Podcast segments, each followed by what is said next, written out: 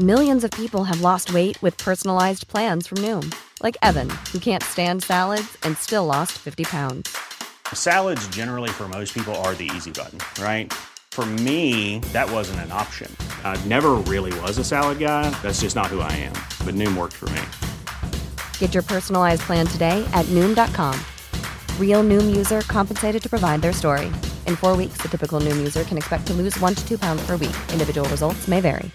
I'm Sandra, and I'm just the professional your small business was looking for. But you didn't hire me because you didn't use LinkedIn jobs. LinkedIn has professionals you can't find anywhere else, including those who aren't actively looking for a new job but might be open to the perfect role, like me. In a given month, over 70% of LinkedIn users don't visit other leading job sites. So if you're not looking on LinkedIn, you'll miss out on great candidates like Sandra. Start hiring professionals like a professional. Post your free job on linkedin.com/people today. Many of us have those stubborn pounds that seem impossible to lose, no matter how good we eat or how hard we work out. My solution is PlushCare. PlushCare is a leading telehealth provider with doctors who are there for you day and night to partner with you in your weight loss journey. They can prescribe FDA-approved weight loss medications like Wagovi and Zepbound for those who qualify. Plus, they accept most insurance plans. To get started, visit plushcare.com slash weight loss. That's plushcare.com slash weight loss.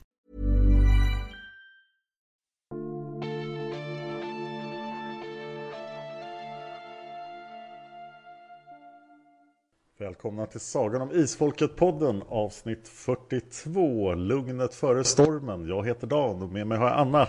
Hej Anna! Hej Dan! Hej! Ja du, den här stormcirkusen den eh, var ju intressant. Ja, jag känner snarare att det här är lugnet efter stormen för att det kändes svårt att komma igång igen efter Demonernas fjäll. Det var exakt min känsla. Jag hade väntat mig att vi skulle fortsätta surfa på den här euforin i Demonernas fjäll.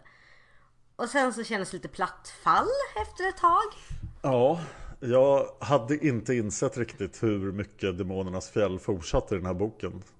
Jag tror, Nej. jag tror vi nämnde det i förra avsnittet men Oj vad mycket Demonernas fjäll, det var ju en halv bok till. Ja, men det grep mig inte lika mycket som sist, vilket är jättekonstigt för om vi tittar på det eh, så får vi reda på massor med intressanta spännande saker och vi får nya input, vi får reda, reda på nya plotlines. Men jag blev inte fångad. Faktum är att jag blev lite fångad av det för att den biten av boken var lättare att läsa än den andra tyckte jag. Men eh, Rune höll ju låda otroligt länge. Väldigt länge. Och jag hade lite svårt för en del av hans lådhållande. Men inte på grund av honom utan på grund av andra orsaker. Men det tänkte jag vi tar när vi kommer dit. Okej. För vi börjar ju liksom boken direkt egentligen med... Eller först får vi träffa den här dödssjuke irländaren Morahan? Eller Ian Morahan. Ian Morahan. Som verkar jättetrevlig, jättesympatisk och jättefin. Ja, jag tycker mest han är döende och eh, man tycker synd om honom men hans personlighet tycker inte jag framkommer i den här boken riktigt. Jag vet inte, jag fick, ett lite, jag fick rätt mycket uppfattning om honom på hur han hanterar det här beskedet att han faktiskt har så lite tid kvar att leva. Att han verkar väldigt Ja men han verkar driven, han verkar beslutsam men samtidigt så hanterar han det här stora beslutet. Jag vet inte men jag gillar honom. Han är Jag vill historisk veta mer om inför, honom. inför sitt öde. Väldigt stor. Ja, det är en gripande historia det är ju. Och att han ska liksom åka dit som hans mamma kom ifrån och se det en gång till. Ja, Eller se det för första gången men hon fick inte se det. nej. Jag vill ju veta mer om honom. Och det är ju bra. Men det är snällt i en konstig inledning för sen så slungas vi ju raka vägen tillbaka till demonernas fjäll. Ja, det, det var som att det fanns med i inledningen just för att bevisa att eh, det här är inte Demonernas fjäll 2.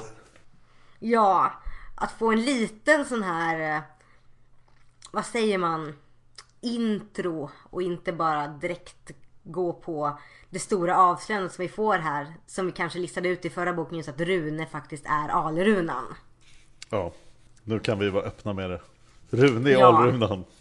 Ja, om någon hade missat det och inte räknat ut det så det är här vi får reda på det och det är ju stor folkfest och kramcirkus och allting. Och sen ska ju Rune få berätta om sin historia. Och det här såg jag fram emot jättemycket för det är ju som Tula sa i Demonas fjäll och som hon säger här igen att det finns en person eller individ som vet hela Isfolks historia från början till slut och det är ju Rune. Så jag var jättepepp och sen så blev jag lite besviken. Varför blev du besviken då? Jag vet inte riktigt. För det är ju gripande att läsa om Runes historia. Särskilt när vi får reda på att han är den allra första alrunan någonsin. Att han är skapad av Gud i Edens lustgård. Som ett slags prototyp till den första människan och sen blir han utslängd. Det är jättespännande men jag vet inte riktigt. Jag, jag grips inte riktigt av det och jag tror att orsaken till att jag inte grips i det är att isfolket själva kommer med små jädra sidokommentarer som gör mig helt galen. Ja, det gör de. För det är en jättestämningsfull berättelse och jag får lite ont i hjärtat när Rune berättar att han hur han kände när han låg där bortslängd och ensam utanför Edens lustgård och ingen ville ha honom och sen så kommer det in massa utläggningar om pagodor från Jonathan och historielektioner och underfundiga små kommentarer från André som måste sitta och sufflera allting till moderna namntermer och jag blir bara irriterad. Alltså, hur kan Jonathan stå där i demonernas fjäll inför alla de här övernaturliga varelserna och ha den här utläggningen? Och Dagobans fundament består bland annat av ett 20 cm högt lager av rubiner, 20 cm bergskristall och lika mycket koppar och lika mycket silver. I called severe besserwisser-ton här. Och då tycker jag ändå att det är intressant att Margit väver in eh, Sri Lankas historia, eh, Ceylon som man sa förr i tiden. Ja, Edens lustgård ligger alltså på Ceylon. Ja, precis. Och jag tycker det är intressant eftersom jag har rötter i Sri Lanka. Ja.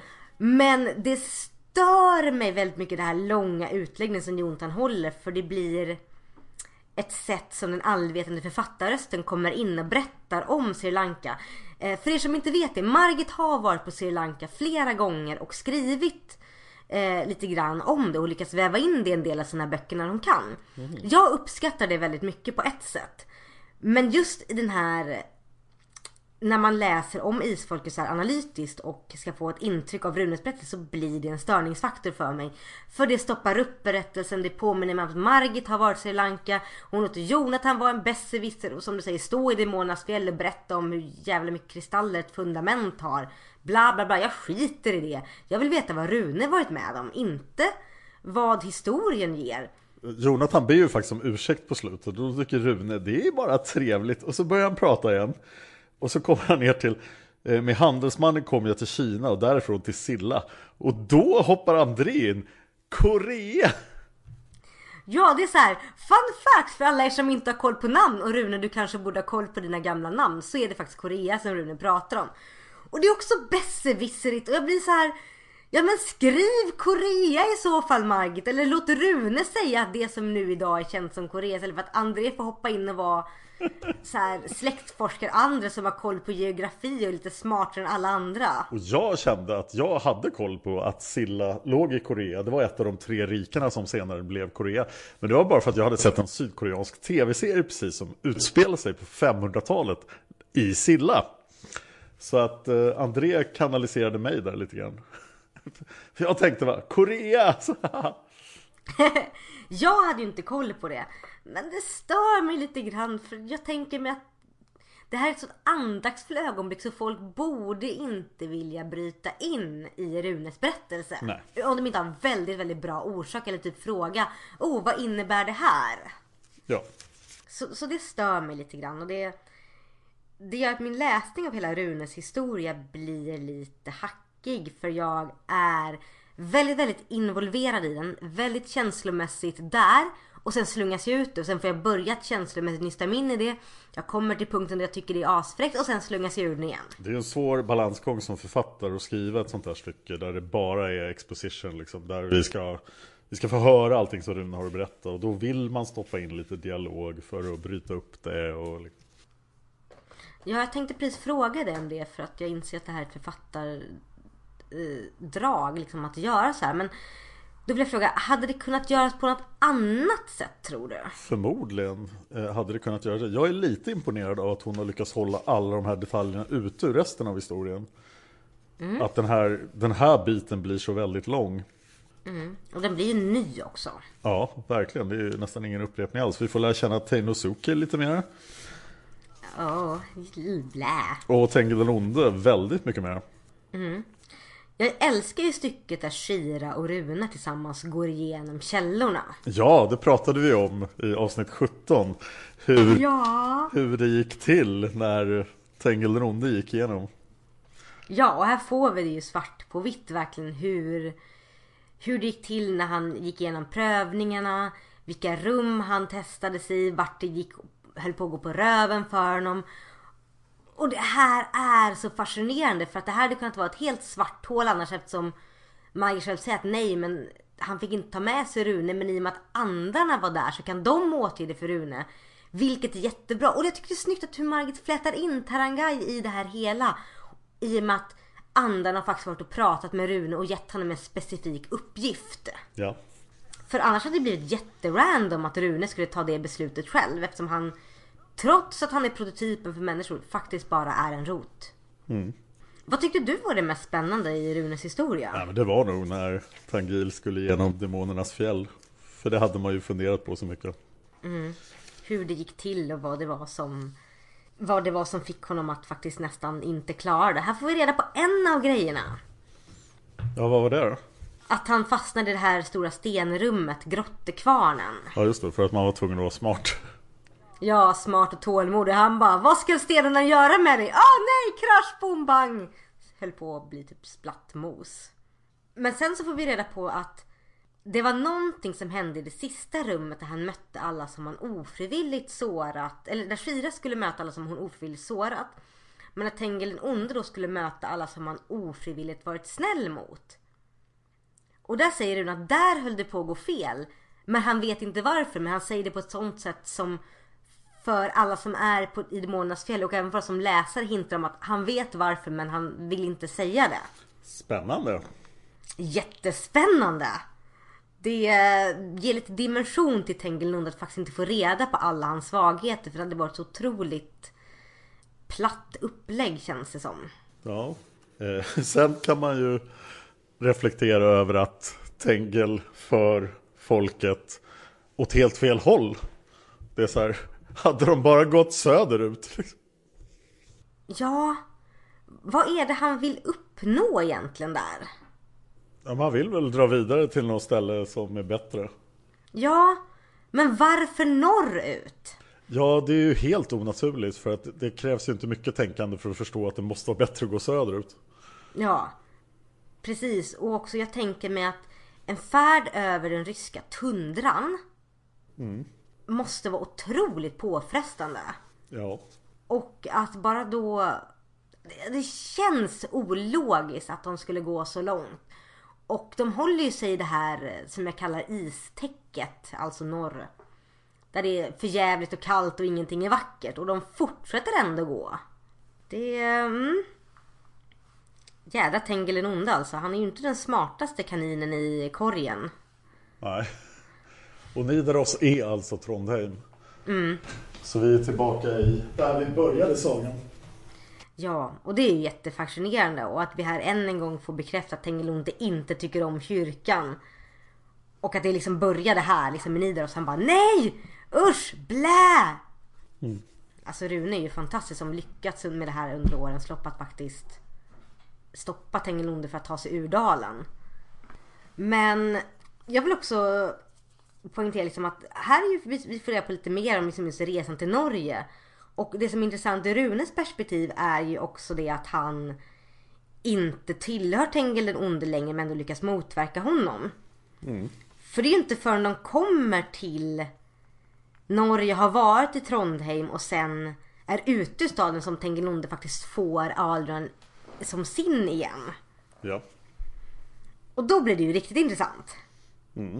Och riktigt otäckt för att hur man än vrider och vänder på det så är ju Alran den enda orsaken till att Tengil den onde faktiskt stannade i dalen.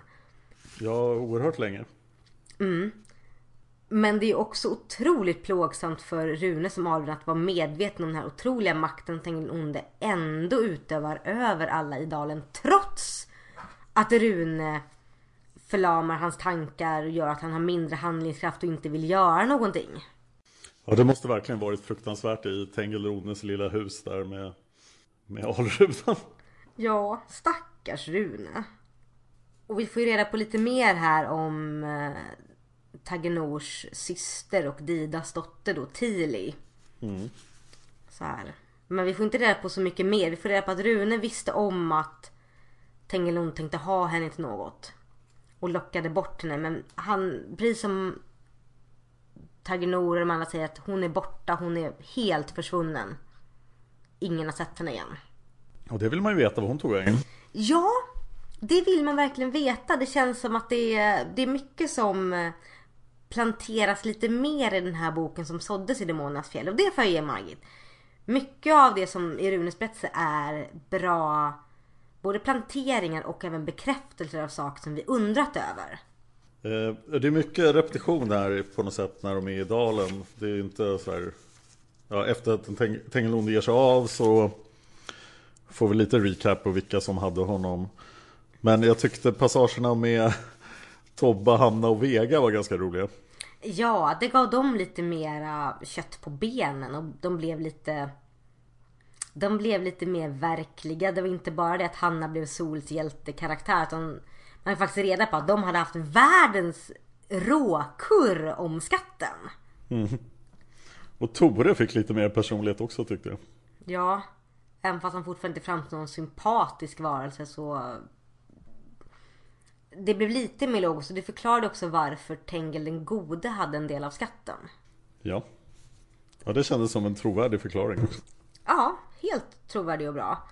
Och vi vet ju liksom sen innan vi minns en trollbund att Hanna faktiskt hade respekt för Tengel den gode. Så att det är helt logiskt att han faktiskt har fått behålla den delen av skatten. Ja. Men sedan är det ju som du säger, det är ju mycket återberättande om hur alurna vandrar ner genom isfolkets led hela tiden. Liksom från Tengel den gode till Sol, till Mattias, till Daniel, till Heike, till Benedikte. Det är mycket recap och den slår ner berättandet lite grann för mig. En sak som jag inte kommer ihåg är varför hade Saga Alrunan? För att hon var ju en utvald. Ja, hur fick hon den? Hon fick ju Alerunan, hon fick ju skatten i arv av, nu ska vi se här. Hon fick ju den av Heike. Okej. Eller så här, snarare så här att Heike beslutade ju, Heike visste ju om att Saga var en utvald. Och han hade ju stämt av med både Eskil och Vilja att Saga skulle få skatten när han själv gick bort. Det är så jag minns det. Ja, nej men det, jag köper det. Vilja tog ju med sig skatten eh, när Gråstensholm föll. Och jag kan ju tänka mig att han sedan såg till att Saga fick den. För hon är ju så vitt vi vet den enda, eller så vitt som alla vet den enda drabbade som finns kvar, eller utvalda som finns kvar. Som Tula försvann i samma veva som Heike. Just det. Jag måste säga att jag gillade när Marcel pratade med Alrunan. Ja, jättefin reunion! Den scenen hade ju varit ganska... Om man hade lagt den sent i bok 29, där vi liksom redan visste vem han var. Då hade det varit en ganska intressant scen att ha med i bok 29 faktiskt. Ja, faktiskt. Typ, va? Ligger inte du kvar i den heta ökensanden utanför Edens stängsel? Ja, eller kanske något ännu mer subtilt så här att bara det att så här, Saga vaknar och ser att eh, Marcel bara ah, Alrunan ramlade ut av misstag. Och att det liksom var en liten plantering där som sen bubblade vidare. Jag har för mig att det är någonting ändå i bok 29. Att hon vaknar och ser att han ser lite så diffus ut i morgonljus. Eller om det var Paul. Men jag för mig att det var, det är någonting i bok 29 som appellerar till just den här scenen vi får lite mer, vi får reda på lite mer om här. Men jag Ja. minns inte det. Ja, om någon kan hitta det så får ni gärna skriva det i kommentarerna. Ja, gör det. Men ja, det hade varit en så episk scen att se i bok 29 och också att se i en tv-serieformat för att ja, det är fint. Ja. Och så får vi förstås till slut då förklaringen varför svartänglarna snodde alrunan av Nathaniel. Ja, de ville ge honom mänsklig form som en belöning. Mm, för det kan svartänglar. Ja, och hur är det en belöning? Ja, men det verkar ju vara en belöning faktiskt. Alltså, han kan ju, nu kan ju röra på sig så det måste ju vara en fördel. Ja, men han kunde ju ge tillbaka honom händerna och typ fötterna. Ja, varför inte det? Ja, han står där liksom bara här min sargade vänsterhand som typ är halvt borta och min fot som är avhuggen. Jag bara, men svartänglarna kan ni inget liksom Kan ni inte göra det här helt och fullt? You had one job, make him human. Och de bara, eh, fötter, armar, behöver man verkligen sånt? Ja, men det är kanske är jättesvårt att ersätta delar av den ursprungliga alrunan. Ja, det kanske är sant. Det kanske är det att man måste kunna skapa nya saker. Man kanske bara kan göra så gott de kan med materialet som finns. Vilken tur att Rune inte tappade några ben under tiden i alla fall.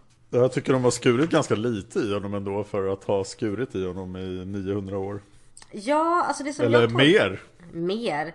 Men det som jag tolkar är att han har ju de här rottrådarna som är hans fingrar. Och att folk har tagit väldigt lite av de rottrådarna. Jag tolkar det som att de är rätt långa. Och att det är det som folk huvudsakligen har kapat av. Han måste ju se jättekonstig ut.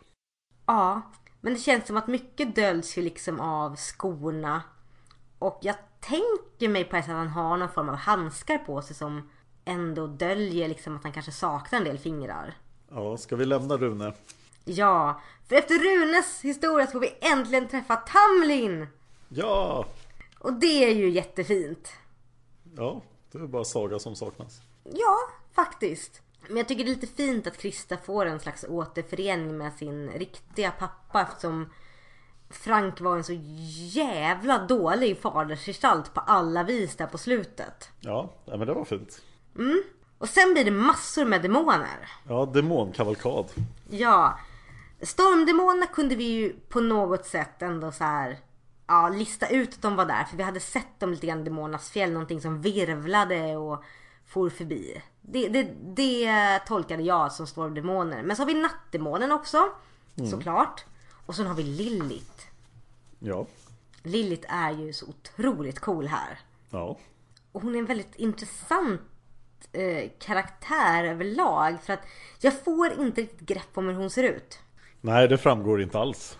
Nej. Hon beskrivs å ena sidan som kvinnlig, alltså mänsklig kvinnlig gestalt. Men samtidigt som att hon har djuriska drag och vi vet att hon har vingar, hon har klor.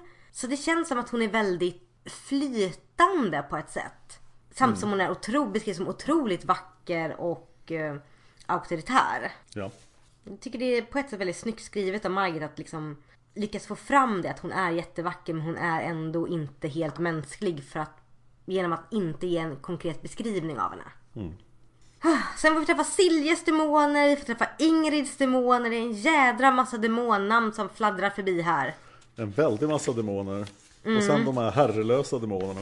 Ja, som Trond ska få befälet över. Ja, Vad är detta? Är det hans belöning för att han gått och gnällt i sekler över hur han dog och aldrig fick vara soldat? Ja och sen har vi de här jättemärkliga förtappelsens demoner. Som inte alls verkar något trevliga. De verkar jätteotrevliga. Och jag håller ju med Gabriel här. Hur tänkte högsta rådet simma in dem hit? De är ju livsfarliga. Ja, Tengil den onde har uppenbarligen behandlat demon, eh, demonpopulationen jätteilla för alla är ju emot honom. Ja, han är ingen bra people's person. Alltså han hade behövt någon slags sociala medier expert som berättar för Som bara sköter hans allmänna twitterkonto han inte twittrar ut sig en massa dumhet typ Ni demoner, ni suger! Alla demoner bara Well fuck you then. Jag, jag har två problem med den här biten av boken. Den första är just att det är för mycket hjälpare och det kommer jag återkomma till senare när det väl börjar hända saker. Men, eh, och sen också att, som väl någon påpekar också, var är alla goda krafter? Ja, vart är alla goda krafter? Ja, borde inte alla vara emot Tengil den onde i så fall? Men det kanske är att demonerna vet om att det försiggår eftersom de har varit på hans sida. Ja, jag tänker ju så här. Det hade varit så typiskt alla goda krafter. Att bara, nej nej det finns inget problem här, vi ignorerar det. Så länge ingenting har skett så är det inte någonting att bekymra sig över. Att de faktiskt har en approach till Tengen Nonde att han är ett hot men han är ett hot som också bör ignoreras för han, riktigt, han har ju inte vaknat och därmed inte finns. Och att det därför kanske har varit svårt för isfolket att lyckas mobilisera några goda krafter för att de inte blir trodda. Och sen vet vi inte heller riktigt vad det finns för goda krafter. Nej, men jag tänker ju alltså att det borde finnas goda naturkrafter och det borde finnas Änglar? änglar, ja. Icke fallna ljusänglar? Ja, som det borde ligga i deras intresse att faktiskt vara med i den här striden på något sätt. Men kan det vara så att isfolket är så betraktade som en fallen ett att de goda ätterna inte vill ha någonting med dem att göra? Trots att det bevisligen är isfolket som är de enda som har makt att faktiskt stå upp mot sin onda stamfader. Vad tror du om den teorin? Ja, det, det kan ju fungera. Men eh, jag, jag är fascinerad av den här världsbilden som Margit målar upp ändå. Just för att vi, vi vet att det är den kristna världen och att Gud är allsmäktig på något sätt. Men eh, det verkar vara upplysningens Gud som har lämnat mänskligheten därhän och sysselsätter sig med någonting annat. Skapar andra universum eller något. Ja, får jag dra ett sidospår här jag funderade på jättemycket? Ja, Nu får vi bekräftat att Rune är den allra första alran. Han är skapad av Gud i Edens lustgård. Ja. Alltså bekräfta att Edens lustgård finns. Vi får också bekräfta att Gud skapar den första människan, alltså Adam. ja. Genom Rune får vi bekräfta att alla de här historiska dynas- alltså Han-dynastin, Sri Lanka, Korea, alla de sakerna finns. ja. Alltså, histor- alltså världshistorien har pågått i en kontext som inte stämmer överens med resten av bibeln. Uppenbarligen. Ja, På ett sätt. Så jag vill säga att vi får här bekräftat att religion och high fantasy råder. Samtidigt som att vi bevisligen i tidigare böcker har bevis för evolutionsteorin. har vi det verkligen? Ja, det skulle jag vilja säga. Fast nu kommer jag inte på någonting bara för det.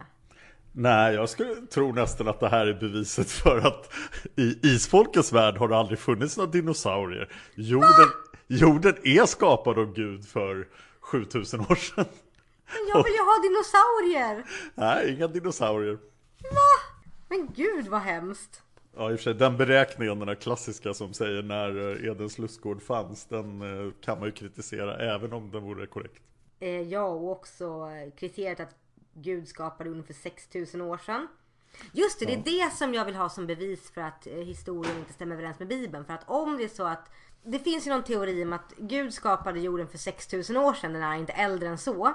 Men många av de här historiska dynastierna som Rune räknar upp, Han-dynastin, är ju skapade för, fanns ju för mer än 6000 år sedan. Nej! Var inte det? inte nej. Han-dynastin! Nej. Fan också! Eh, så att, men man kan ju se de här, faktum är att för 6000 år sedan så uppstår ju civilisationen i princip, de första, Mesopotamien, Egypten och så vidare. Så att eh, det som är tidigare än säg 5000 för Kristus är ju saker vi bara känner till via arkeologi. Och eh, vi har inte sett några arkeologer gräva upp 10 000 år gamla grejer i de här böckerna. Fast ja, då vill jag dra argumentet faktiskt om vi går tillbaka till Sri Lanka Sigeria faktiskt är över 6000 år gammalt. Ja, men jag tror inte det är korrekt. Jo. Uh, är det, var det en stad eller? Det är det här, Sigeria är ju det här palatset som är byggt på toppen av en klippa. Jag har faktiskt varit där. Det är en väldigt, väldigt imponerande syn och det är riktigt imponerande att eh, inse hur de lyckas släpa allting upp på klippan. För det är alltså, nu snackar vi alltså högt berg. Ja. Vi snackar riktigt hög otillgänglig klippa. Nu eh, spårar vi ur lite grann men jag ska nog säga att det definitivt inte är så gammalt. Är det inte det? Läser jag fel? Alltså de, de första civilisationerna som hade någon form av städer och så vidare är, är Mesopotamien, kanske Elam och eh, Egypten och det är ungefär 4000 före Kristus. Ja, det är sant. Eh, eh, Anu, Anuradhapura Anuradhapura. Ja, är ju så här, har haft, alltså folk i Sri Lanka har velat att det ska vara mycket äldre men när man väl har grävt ut det så så är det inte så himla gammalt. De första tecknen är från 900 före Kristus. Ja, ja. Ja, jag ställer mig nog på singelgästernas sida. De, de, har, de har lyckats få till femte år, fem, 500, 5th century before Christ. Så har Ja, ni- sagt- jag sa ju 900 före Kristus, så det är ännu tidigare. Ja, jo. Och det där gjorde jag i Fan of History faktiskt, just Anuradhapura för att eh, För då sa För då hade man nyligen kommit fram till att det var 900 som gällde Ja just det eh, ja. Och att det inte var 500 Som var den allmänna uppfattningen då Ja men det stämmer faktiskt. Men det är ju fortfarande första årtusendet eh, innan Kristus Så att eh, civilisationen är inte så gammal så att ja, Min nya teori är alltså att eh, Isfolket utspelar sig i en biblisk värld Där gamla testamentet är fullständigt korrekt Ja, och alla mina argument har ju fallit så jag får ju säga det också. Och det, nu blir det ju verkligen high fantasy på en helt nivå för det här är ju inte uttalat att Maggie säger det här. Det är bara all, antas vara den allmänna uppfattningen. Nu Och det är ingen heller som protesterar i salen att hörru du med dinosaurierna då? Så att det verkar faktiskt inte finnas. Nu hoppas jag verkligen inte att Tengilronde har med sig dinosaurier i bok 45 Alltså det hade varit så jädra episkt om man red in på en Tyrannosaurus rex. Tänk dig det du! Ja, jag, jag tänker med det just nu Jag tror inte den skulle stå ut med hans lukt Nej. Ha, har dinosaurier känsligt luktsinne? Jag tror det Ja, nej då skulle dinosaurierna bara Öh, du får nog gå och bada, ha det kött. Ormar använder väl mycket luktsinne och sådär Stackars ormar. Ja, okej. Ska vi gå tillbaka till isfolket? Ja, vi, vi möter ju förtappelsens sju demoner där och sen så får vi ett sidospår faktiskt till både Ian Morahan som sitter i Norge och undrar vad han ska ta sig till med sitt liv men också Tengil Nonde som faktiskt reflekterar över vilka han har på sin sida. Vilket jag tycker är jättetråkigt för att det blir som en slags motsatt recap för att vi får höra titta de här har isfolk på sin sida sen Tengil Nonde bara hoho jag har ju de här och mina söner och allting och jag bara ja och du är också mäktigast på jorden. Det är inte som... Att du kommer ha folk på din sida är inte ett problem. Nej, jag hoppas verkligen det. För att de här hantlangarna till Tengil den onde som vi får se i den här boken, de imponerar föga. Ja, blä. 13 människor, där nummer ett verkar rätt läskig, men de andra verkar helt bortkomna. Ja, de andra verkar ju inte blivit utplockade på grund av sin intelligens. De är totalt bortkollrade hela tiden och de saknar ju grundläggande egenskaper om hur man så här, hotar folk. Och det verkar ju som att Tengil den onde har för avsikt att ha ihjäl Nathaniel i den här boken. Ja, Men han använder inga läskiga drabbade, inga av sina andra mäktiga allierade, vilka det nu är. Utan han använder de här 13 pelejensarna. ja, men jag tror jag har en förklaring på det faktiskt. Okej. Jag tror att Tengil den onde vet att Nathaniel är den utvalde som ska rädda isfolket. Men Tengil den onde säger ju själv i någon passage att han är... Vad är det här för en vekling de skickar mot mig? Jag tror han tänker att det här är en till... eh, Förlåt så mycket nu alla lyssnare, men en till Tarjei. Någon som är så pass lätt att eh, ta ut att det knappt ens behövs en ond drabbare utan det räcker med lite mänskliga hantlangare och pang-pang-vapen. Mm, och sen får man inte glömma att Tengil den ondes mål i den här boken är ju att eh, vakna ordentligt. Ja, så att jag tror att han dels inte inser hur mycket Nathaniel kan och dels väljer att skita i att lägga stora resurser på Nathaniel för att han har annat för sig. Jag förstår inte riktigt vad, vad onde håller på med. Så han är inte vaken än riktigt. Och Nej, I början av boken så ligger han ju fortfarande i dvala.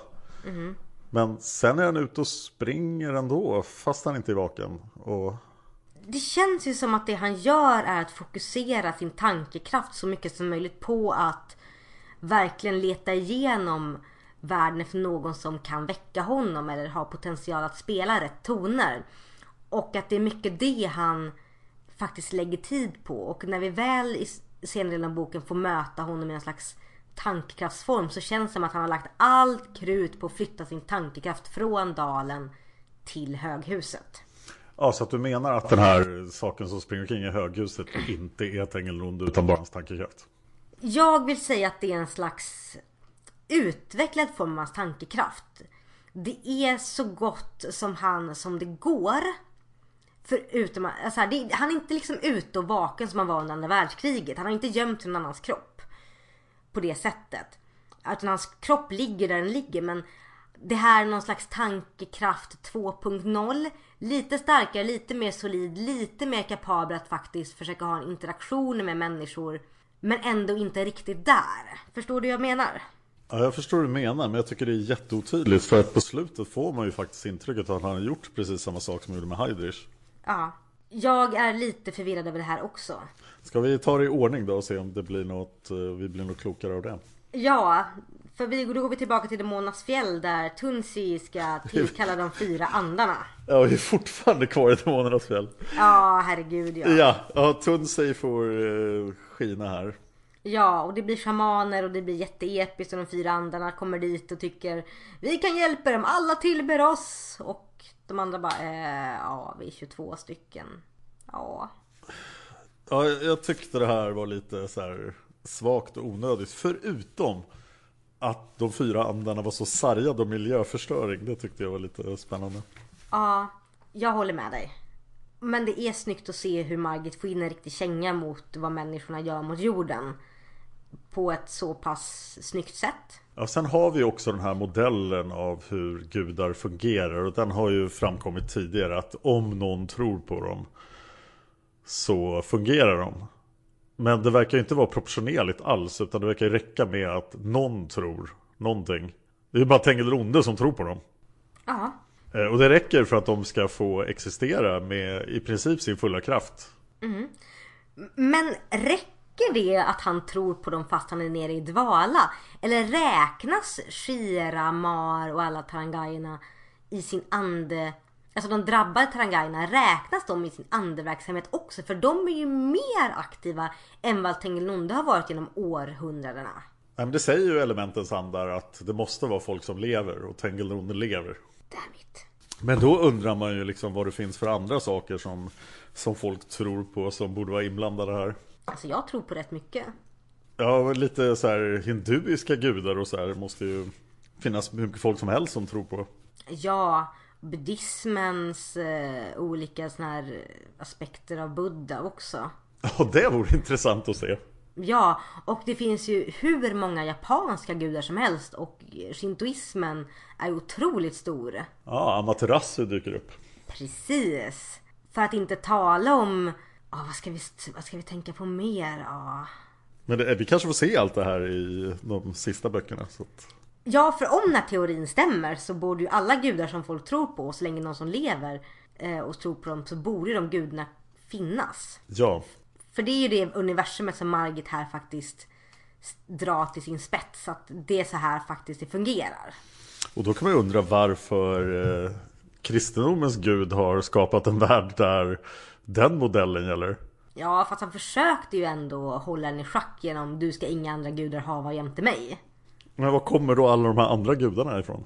Så som vi har fått det förklarat. Visserligen genom då Alrunan och Marco och Lucifer som kanske inte är de mest opartiska kaninerna i korgen. De pitchar ju Gud som en gud som inte bryr sig så jättemycket och som är rätt passiv. Att människan då under århundradets gång har hittat andra saker, så att tro på och kanalisera sin längtan efter ett ingripande gudomligt väsen är väl kanske inte så konstigt. Och Gud kanske trodde det räckte om han bara sa du ska inte hava, du ska inga andra gudar hava jämte mig. Han kanske bara sa det sen så struntade han i det för att det är så många som tror på honom ändå. Ja, då kommer vi tillbaka till hela det här med det utvalda folket och så här, varför inte bry sig om alla folk. Och, ja, det blir väldigt teologiskt men det Det är en, blir jätteteologiskt. en spännande gud i Margits värld i alla fall. Väldigt spännande gud i Margits värld. Också en väldigt spännande värld som Margit målar upp här. Ja, och sen helt plötsligt är vi till slut faktiskt klara i Demonernas fjäll. Ja, det vi får lite riddardubbning, vi får trolldryck av som de utvalda får dricka. Alla utom Nathaniel. Ja, Nathaniel får ingen trolldryck för han behöver inte den. nej, och Marco blir av med alla sina krafter. Ja, och jag blev ju så glad när jag läste det här för att vi har ju pratat det tidigare att Marco är ju för bra. Och nu så löser Margit det genom att säga att nej men det är människan Marco som kommer delta because of reasons. Ja, det känns verkligen så. Jag vet att jag drar för många paralleller till rollspel, men det känns som spelledare. Jaha, ska du spela din höglevel-gubbe? Ja, men då, då måste vi modifiera reglerna lite. Ja men exakt så faktiskt. Okej, du får spela Marco, men människan Marco. Ja, Marco måste kunna vara spelbar i den här kampanjäventyr som kommer. För alla andra är level 5 och Marco är level 30 och då funkar det inte. Så jag tar ditt andra blad där med svartängelkraft och bara nej. Men Marco har din karaktärsutveckling och möjlighet att interagera med folk och saker. Det kan du spela på. Och Marco spelar sitt och bara, men mina coola krafter då? Ja, då får du spela Ole. Bara, nej, det vill jag inte. Ja, det är det. Eller att du inte får några krafter. Okej, det jag spelar utan krafter. Mutter, mutter, mutter. Ja, Men jag gillar ju den här plot-twisten för den bäddar ju upp för en lite mer... eh, Alltså balanserad slutstrid är ju fel ord men i alla fall en slutstrid där jag inte behöver förlita mig på att Marco ska rädda dagen utan faktiskt måste använda hjärnan för att komma ur knepiga situationer. För det hade blivit väldigt tråkigt annars.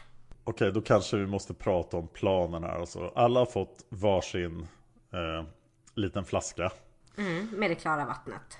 Och sen har vi den här armén av demoner och förfäder och så vidare. Men de kommer bara att ingripa reaktivt när det händer saker. Och det gör de ju. Det ser vi ju. Stormdemonerna speciellt eh, agerar ju hela tiden. Men va? Varför? Det här är ju mycket värre än Sagan om ringen. Varför kan inte bara någon av alla de övernaturliga personerna förflytta de fem utvalda till Isfolkets dal? Ja, Alltså varför måste de flyga eller åka bil? Det blir ju mycket bättre historia men det känns lite snålt att isfolkets alla förfäder och sånt där är så här. Ja, kom ihåg att ni kan tilltala oss men inte för ofta och vi kan bara göra det här. Och jag bara, men vann! ja, vad har ni för bättre saker att göra? Det här är Ja, det enda ni precis! bryr er om. Ja, det är liksom i slutändan. Det enda win conditionet för det här uppdraget om vi talar i rollspeltermer är att de fem utvalda kan ta sig från punkt A till punkt B, hälla det klara vattnet i krukan med ondskapsvattnet. Resten vad som händer runt omkring är sekundärt. Och vad väljer förfäderna att välja sina, sina krafter på? Allt är sekundära. Vi vet att vandraren kan förflytta människor. Han bar Vettle över halva Europa. Ja. Och nu är det så här: nej. Vi skiter i dem.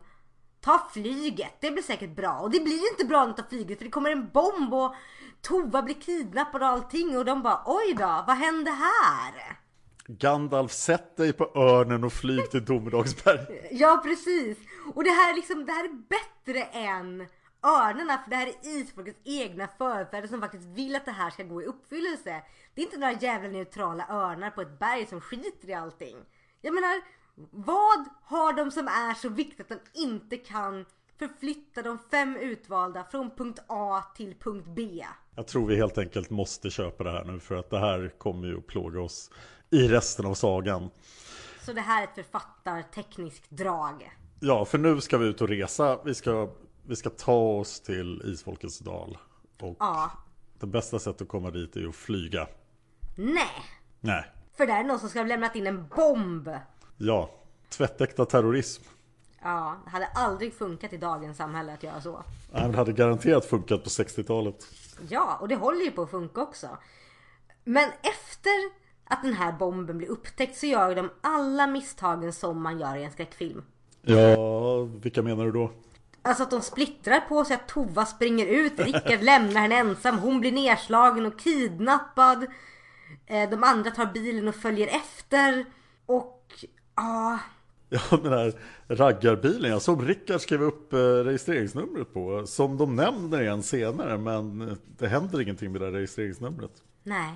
Och ja, och Marco som åker motorcykel.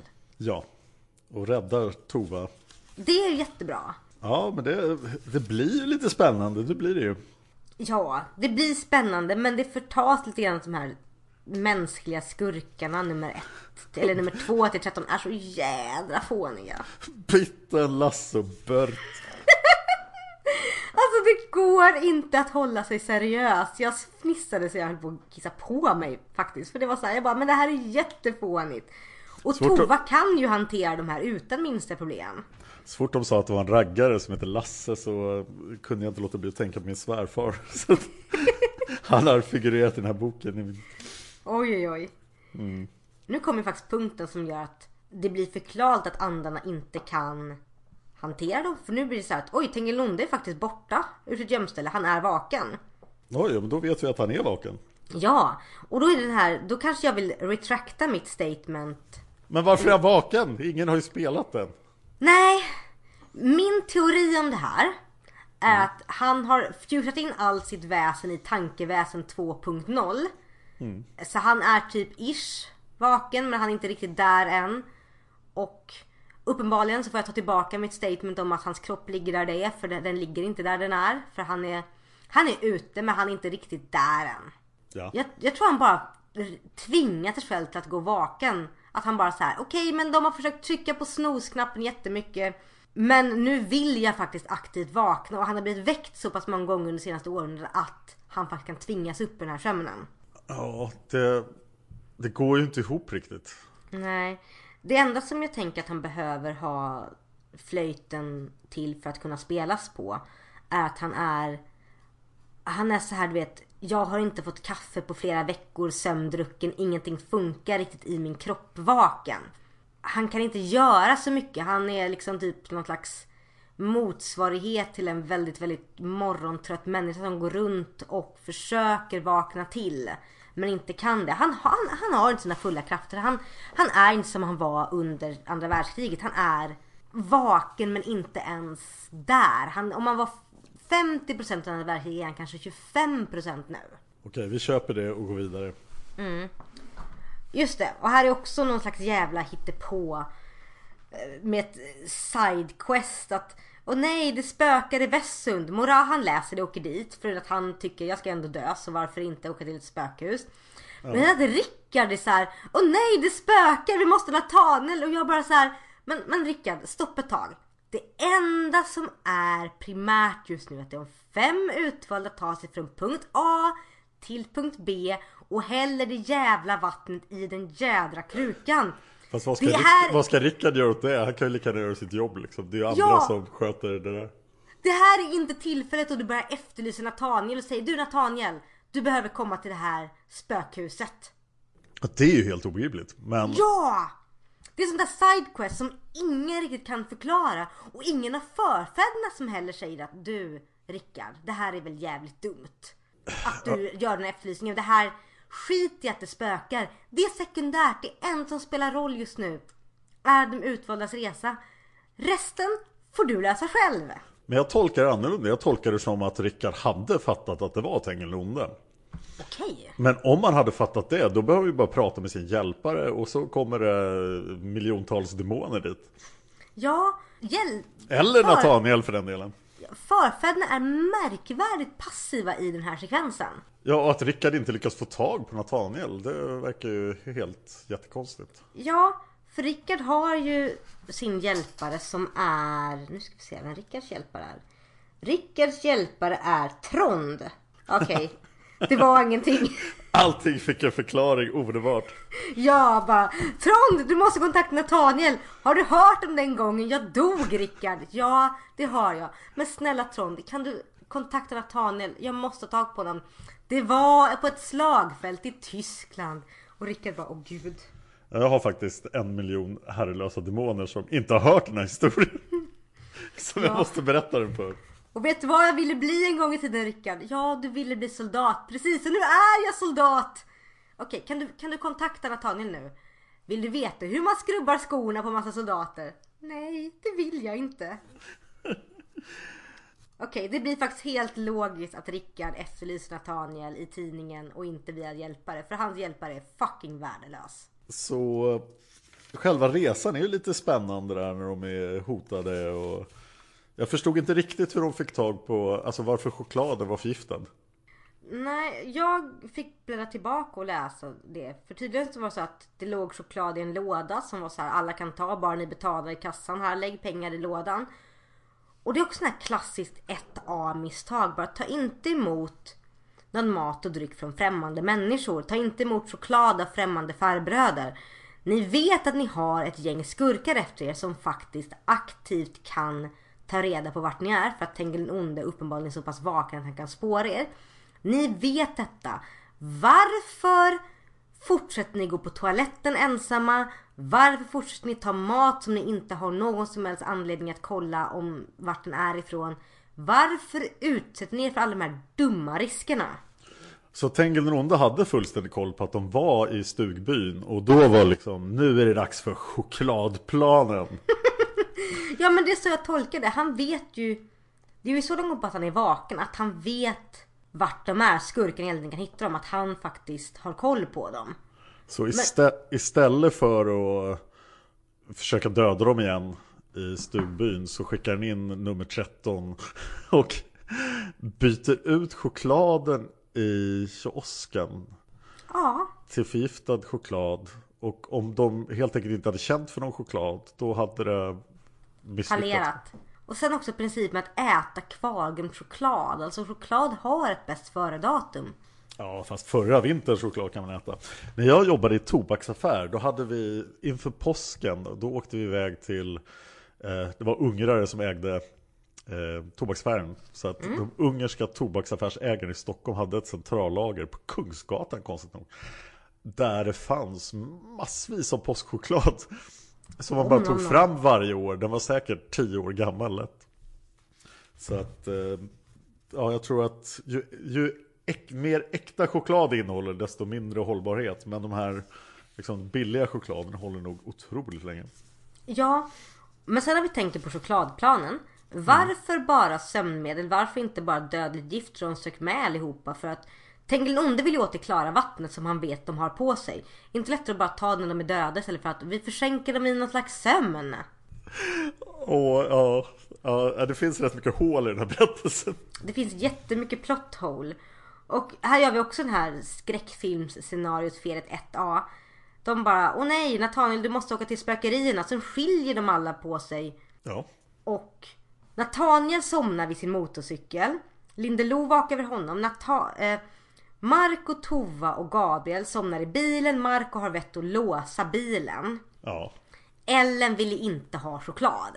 nej, Och Ellen tar sig till Vässund. ja. Det Och här- vi, vi har åkt en liten bit men nu är vi tillbaka till ursprunget. Ja.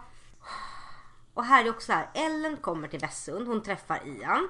Ja, vä- vänta, vänta, jag vill eh, gå tillbaka lite faktiskt. Oh, för okej. att eh, jag tycker Margits eh, styrka lyser igenom här lite i alla fall. Eh, när Nathaniel och Ellen får längta lite efter varandra igen.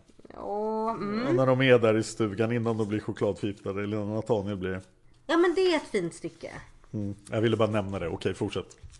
Ja men det, det är ett väldigt fint stycke. Och det bäddar ju upp väldigt mycket för vad som händer nu sedan. Ja.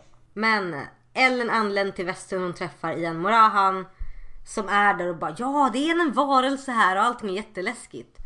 Och Ellen inser att det är Tengil som spökar runt i huset. Och att jag tänker mig att det är hans tankebild 2.0 är för att den är i fysisk form men den är ändå väldigt snabb och rörlig. ja, och vad gör han? Bara hoppar runt och skrämmer folk. Han vet att det finns noter förmodligen. Han vet att det finns någonting han vill ha där. Ja. inne. Men han bara lallar omkring där. Han tar inga aktiva steg för att få tag på det här. Nej, och han är inte heller några aktiva steg för att förhäxa någon av sina minions. Som kan komma ut och spela flöjten. Det måste vara exakt den här flöjtkompositören som har skrivit noterna. Som måste spela flöjt. Istället för att förhäxa någon så att, man kan, att den personen kan spela flöjt. Ja, alltså... Det går inte ihop för mig alltså. Nej, inte, inte alls. Nej, varför all denna otroliga kringdansning av Tengil Nonde för att få dit rätt personer som gör rätt saker och varför ska han försöka övertala Ellen om att du måste spela på flöjten för att jag, Tengil den onde, den ondaste varelsen på hela planeten vill egentligen bara bli fri och få sova och försvinna från världen. Istället för bara förhäxa skiten ur någon som får honom att spela. Varför häxar han inte Ian till exempel? Ja, men det kanske måste vara just eh, här, vad han nu heter, Vringel. Ja, men varför Vringer. inte, varför, varför inte förhäxa Ian Morahan som bara kan säga till Vringer att du måste komma och spela? Varför måste det just vara Ellen som går den här fällan? För Och nu kära lyssnare får ni jättegärna skälla på mig men bara lite Mom deserves the best, and there's no better place to shop for Mother's Day than Whole Foods Market. They're your destination for unbeatable savings, from premium gifts to show-stopping flowers and irresistible desserts. Start by saving 33% with Prime on all body care and candles. Then get a 15-stem bunch of tulips for just $9.99 each with Prime. Round out Mom's menu with festive rosé, irresistible berry chantilly cake, and more special treats. Come celebrate Mother's Day at Whole Foods Market. Hi, I'm Daniel, founder of Pretty Litter. Did you know cats tend to hide symptoms of sickness and pain? I learned this the hard way after losing my cat, Gingy. So I created Pretty Litter, a health monitoring litter that helps detect early signs of illness by changing colors, saving you money and potentially your cat's life. Pretty Litter is veterinarian developed, and it's the easiest way to keep tabs on your fur baby's health right at home. Go to prettylitter.com and use code ACAST for 20% off your first order and a free cat toy. Terms and conditions apply. See site for details. Hey there, it's Michelle Norris. I'm host of a podcast called Your Mama's Kitchen. When I travel, I'm usually looking for a way to find a taste of home when I'm not at home. And one of the things I love to do when I am at home is entertain. And Airbnb allows me to do that. When I was in California recently, I rented a house that had a great kitchen. And when we were sitting around the table, we were all thinking, we're in someone else's house. Someone could be in all of our homes as well. If you have a home, but you're not always at home, you have an Airbnb. Your home might be worth more than you think. Find out how much at airbnb.com/slash host. Just det här begrepp, just det här greppet att det är Ellen som tror att Tengen Under vill eh, få flöjten att spelas på för att han vill bli fri och få sova. Att Ellen efter den här natten i Demonernas fjäll, efter alla berättelser som hörs, går på detta för henne att framstå som den kanske mest korkade människan på planeten. Jag tror ju att eh, det är Tengil den onde som kontrollerar henne på något sätt. Ja, men varför just Ellen? Varför inte Ian? Ja, bra fråga. Eh, dessutom verkar han ju kontrollera Vinger till viss del också. För Vinger känner ju det oresonliga behovet att komma dit och få tag på noterna. Ja. Och varför är det inga förfäder som bara vill så här får någon slags varningsklocka till exempel Tagnor, till exempel Dida, till exempel Tengel den gode, till exempel Heike, till exempel Tula som alla varit utsatta för det här med flöjter. Förutom Tengel den gode. Som får någon slags varningsklocka och bara vänta nu här, vi kanske borde typ så här ta ett steg tillbaka och reflektera över detta. Det enda isfolk behöver göra egentligen det är ju att ta Vinger och inte släppa in honom i huset. Ja. Jag, för, jag förstår inte heller i och för sig, om vi tar att Tengil den onde har allting under fullständig kontroll här. Han har på något sätt fått Vinger att känna den här längtan eller att noterna i sig har den effekten på Vinger. Så han vet att Vinger kommer att komma dit och det är det han väntar på. Eh, eh, Varför tar det så lång tid för Vinger att komma dit? Okej, det- vi bortser från det, men eh, då är det enda isfolk behöver göra är stoppa Vinger och så bara win. Woohoo! Ja, isfolkets förfäder är väldigt passiva just här. Ja, isfolkets övernaturliga hjälpare struntar ju fullständigt i att eh, Tengil den onde har skapat sin egen lilla Tjernobyl här utanför Oslo. Ja, och Rickard är ändå medveten om det här och visst han har Trond som hjälper men Ellen har Villemo. Ja, och hon får inte komma in där så att hon borde ju förstå också att det var något konstigt. Ja, det borde vara... Alltså någonting borde... Någonting borde verkligen så här få förfäderna att rycka den stora ringklockan och bara nu jävlar, nu tar vi det här huset under skarp bevakning. Och inte bara passivt utan in med varenda demon källa vi har. Gör någonting. Ja, Jag, jag, jag har svårt för höghus, höghusplotten och spökerierna och att även om Ellen är under Tengilons inflytande att resten av släkten bara köper det. då vill jag passa på att tacka lyssnaren Karin. Tack Karin för hon har lånat ut eh, Dörren till det fördolda till mig. Den här eh, boken som alltså innehåller två av historierna från bok 39. Eh, Det innehåller värdshushistorien och den innehåller historien i England. Men Dörren till det fördolda som jag ännu inte har läst slutar med den här höghushistorien. Va? Ja. Vänta, vänta, vänta, vänta. Säger du att högshistorien är en berättelse Margit har återanvänt. Ja, Men det står ingenting om det i bok 42. Det står ingenting om att Margit har återanvänt en historia. Vad är detta? Eh, Jag har ju tyvärr inte läst den än. Men eh, det är den sista biten. Och den har givetvis en mycket enklare lösning då än... Den kanske till och med har den här lösningen att de hade fel och att han bara behövde sövas och nu söver vi honom. Men jag ska läsa den och återkomma. Det tycker du får göra. Det är ju jättefascinerande. Den är otroligt svår att få tag på så att eh, vi skulle egentligen nästan behöva ett ex till så att du, du kunde läsa den också så kunde vi göra ett avsnitt om dörren till det fördolda. Ja. Du får skicka en till mig efter vi har gjort klart så får det bli ett extra avsnitt sedan. Ja, det får vi göra. Det här är jättefascinerande. Jag hade ingen aning om detta. Wow. Jag blir ju orolig när jag läser den här boken om, om de kommande böckerna. För att allting känns så rörigt. Ja. Och konstigt om man...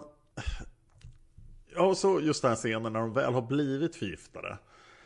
Och sover. Och haha, nu ska Tengilondes plan gå. Då, då märker man den här otroliga obalansen. Att hans medhjälpare är de här klåparna. Och stormdemonerna behöver bara blåsa bort dem. Jag måste säga att jag tycker stormdemoner är lite långsamma att agera också. För att till exempel vi, när det börjar skjutas. Då hinner de ju skjuta massa innan stormdemonerna kommer. Ja. Och sådär, det bara, "Åh, tur att inte Nathaniel blev träffad. Ja men det känns som att det är lite, som du säger, det är lite rörigt, det är lite slarvigt. De har, när de lämnade Monas fjäll så har de en väldigt bra plan. Ja men ta flasken med de klara vattnet till Isfolkets dal, fixa det här, hög bevakning på de utvalda. Och sen så känns det bara som de glömde bort att de hade den planen för att de är inte så alerta som de borde varit.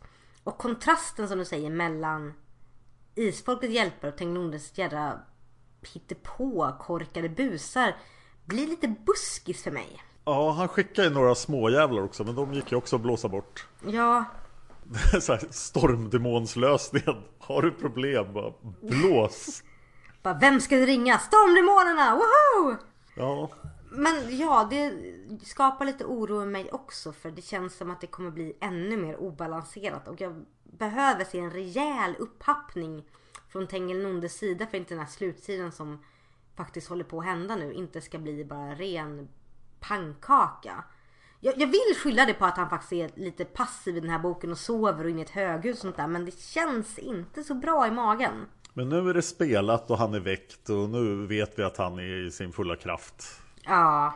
Eh, Ellen, Ellen, eller? Tror att, Ellen tror att de räddat världen och att han har sovit. Och det, det är så intressant just för att det är ett snyggt grepp av Margit här att alla de andra utvalda sover sig igenom detta. För hade Marco hört om detta så skulle Marco skulle sagt äh, vänta nu ett tag.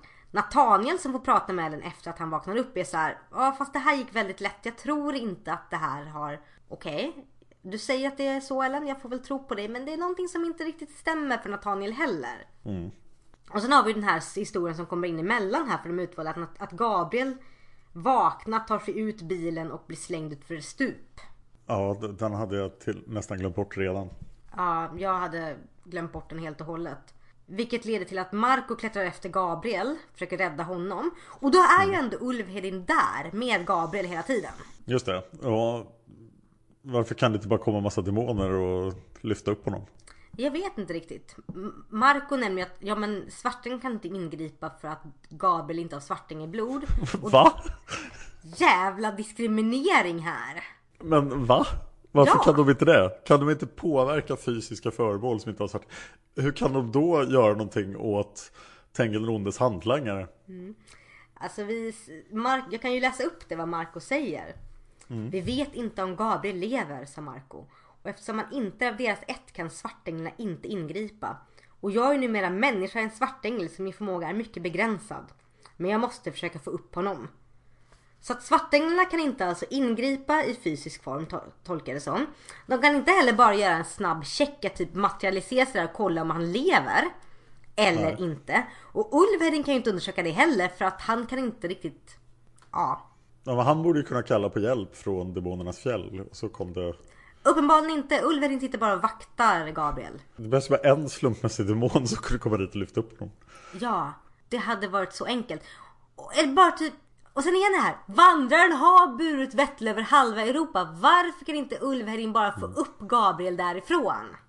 Ja, som sagt, jag känner en stark oro här och jag vill minnas att jag kände den här oron första gången jag läste den här boken. Att vi har nu gått igenom 40 underbara böcker och sen nådde vi det här klimaxet i Demonernas fjäll.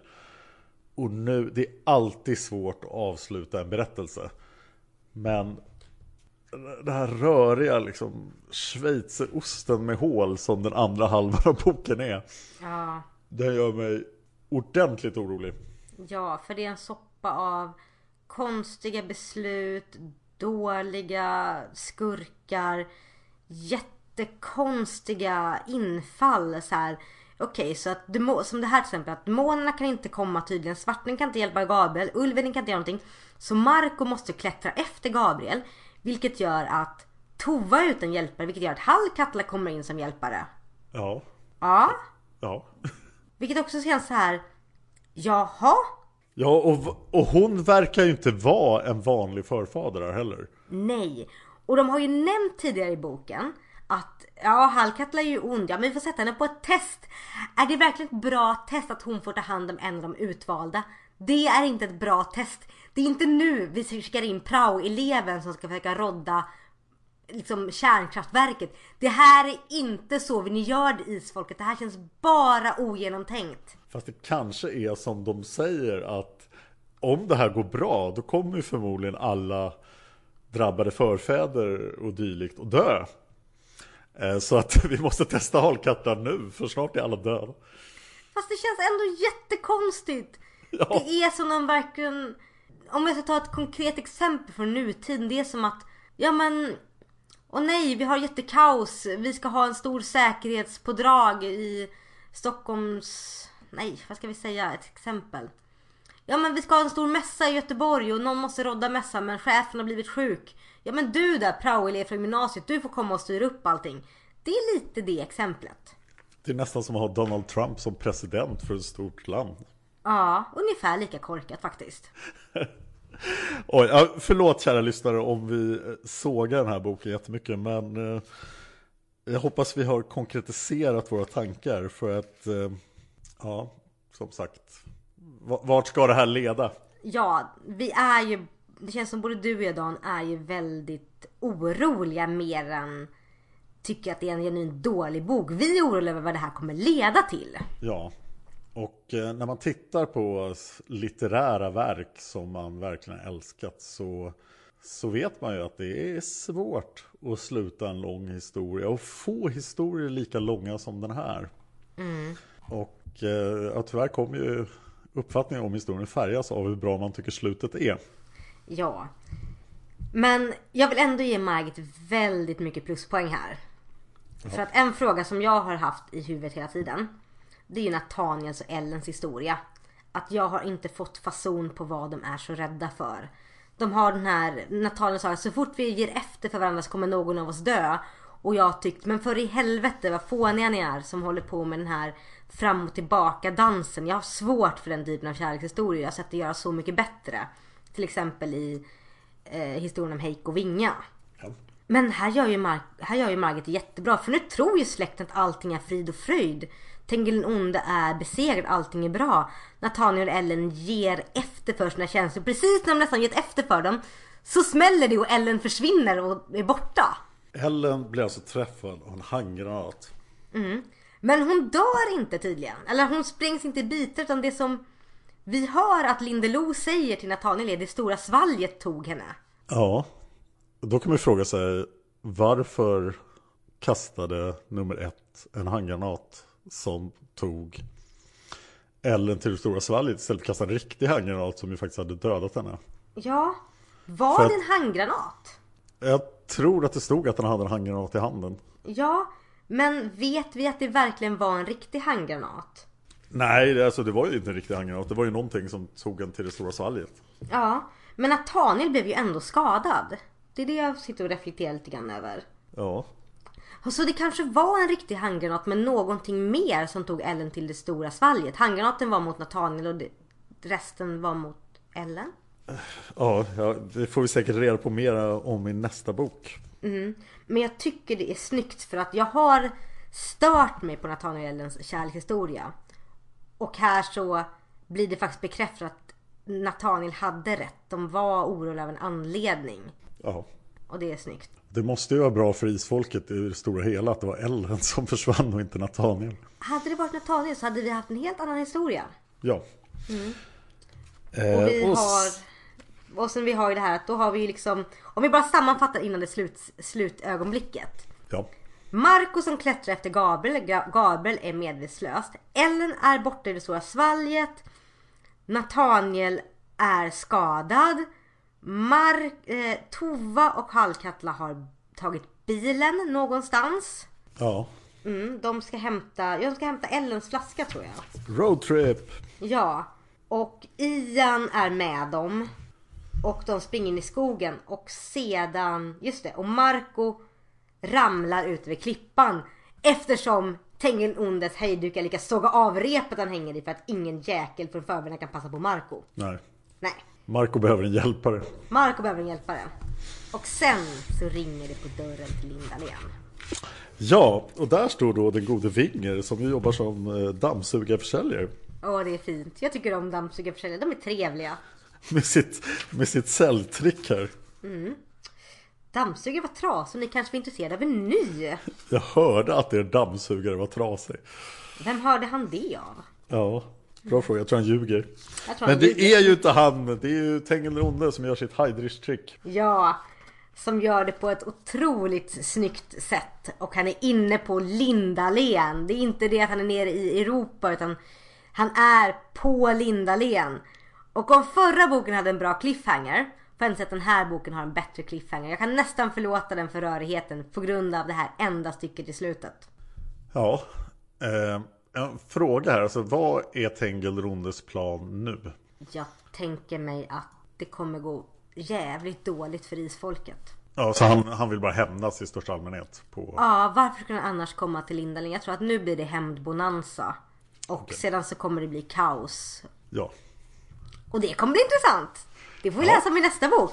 precis. Bok 43. Nu är det inte många kvar.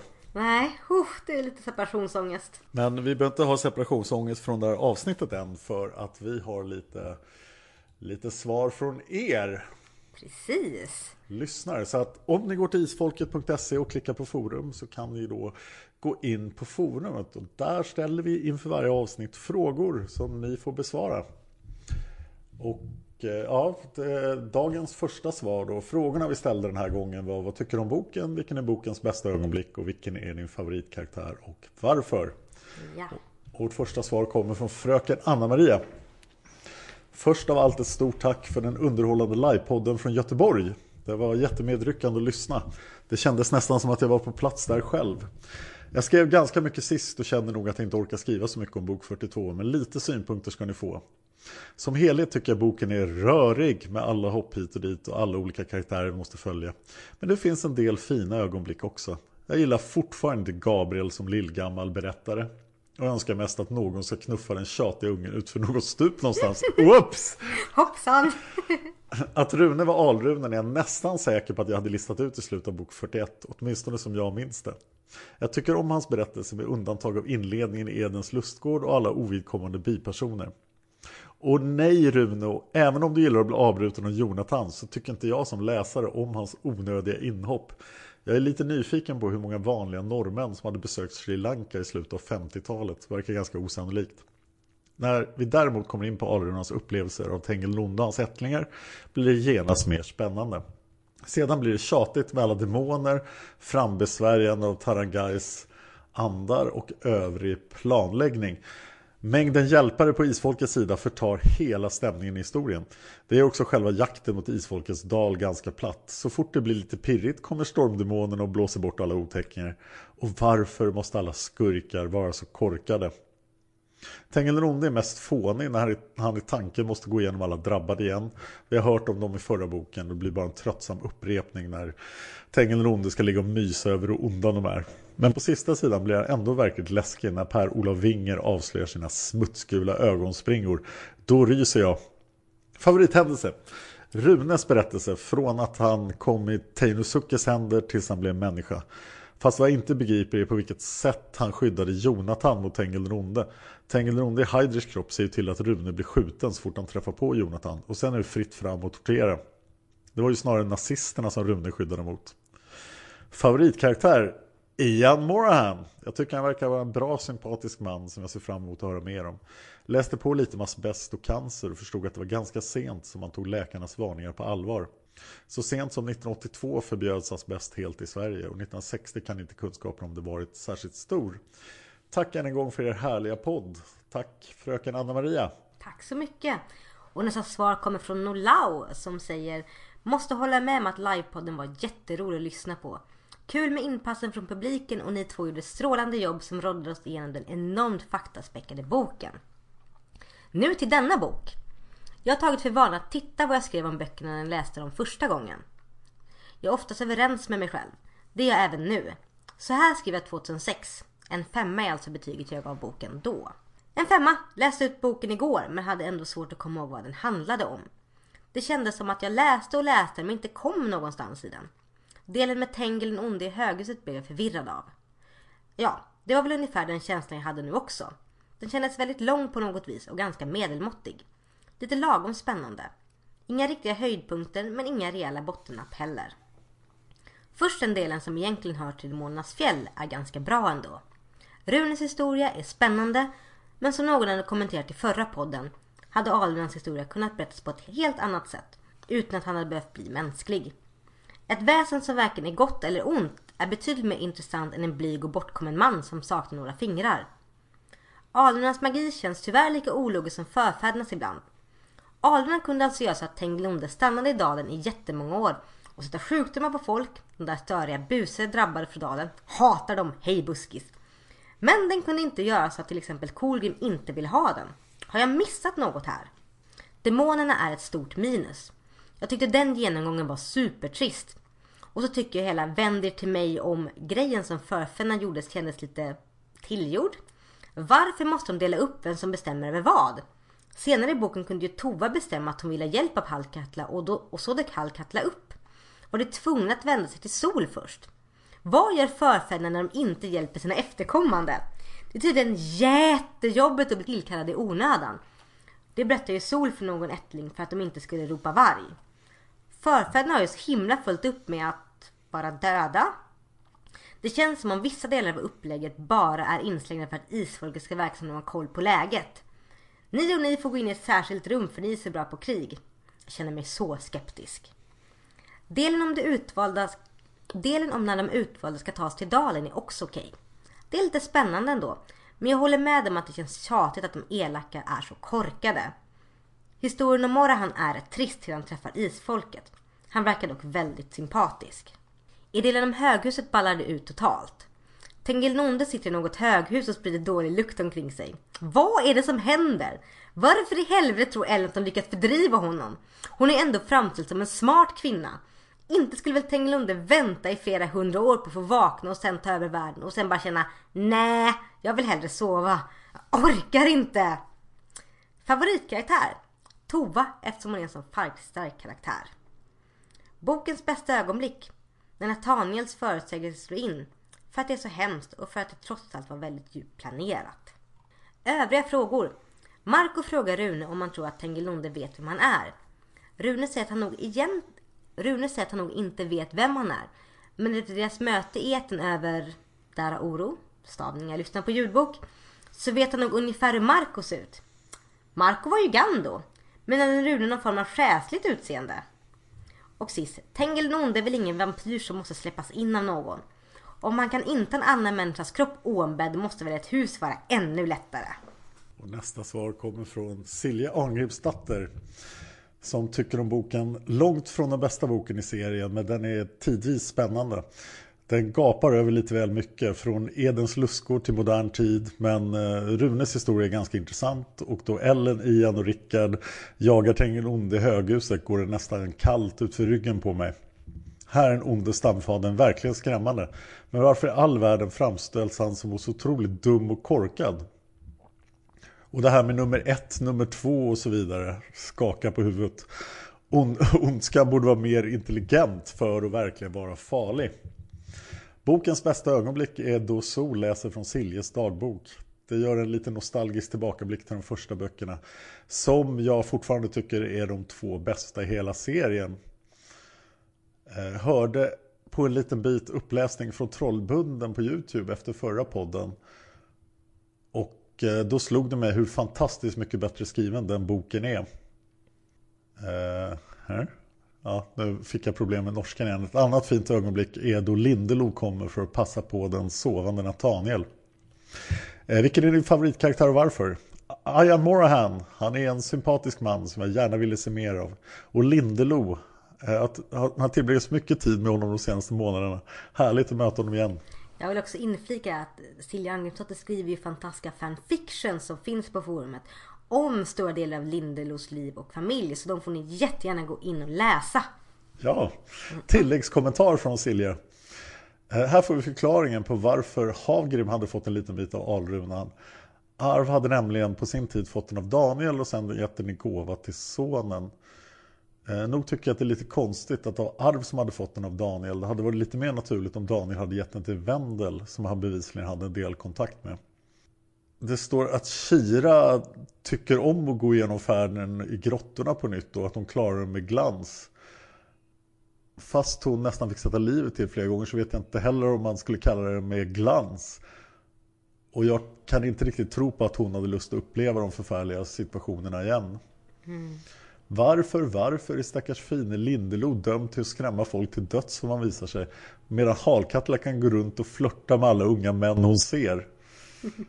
Hon säger också till Tova att hon kan välja om hon vill visa sig eller inte. Ja, den här gången så dog inte folk heller när Lindelo visade upp sig. Nej.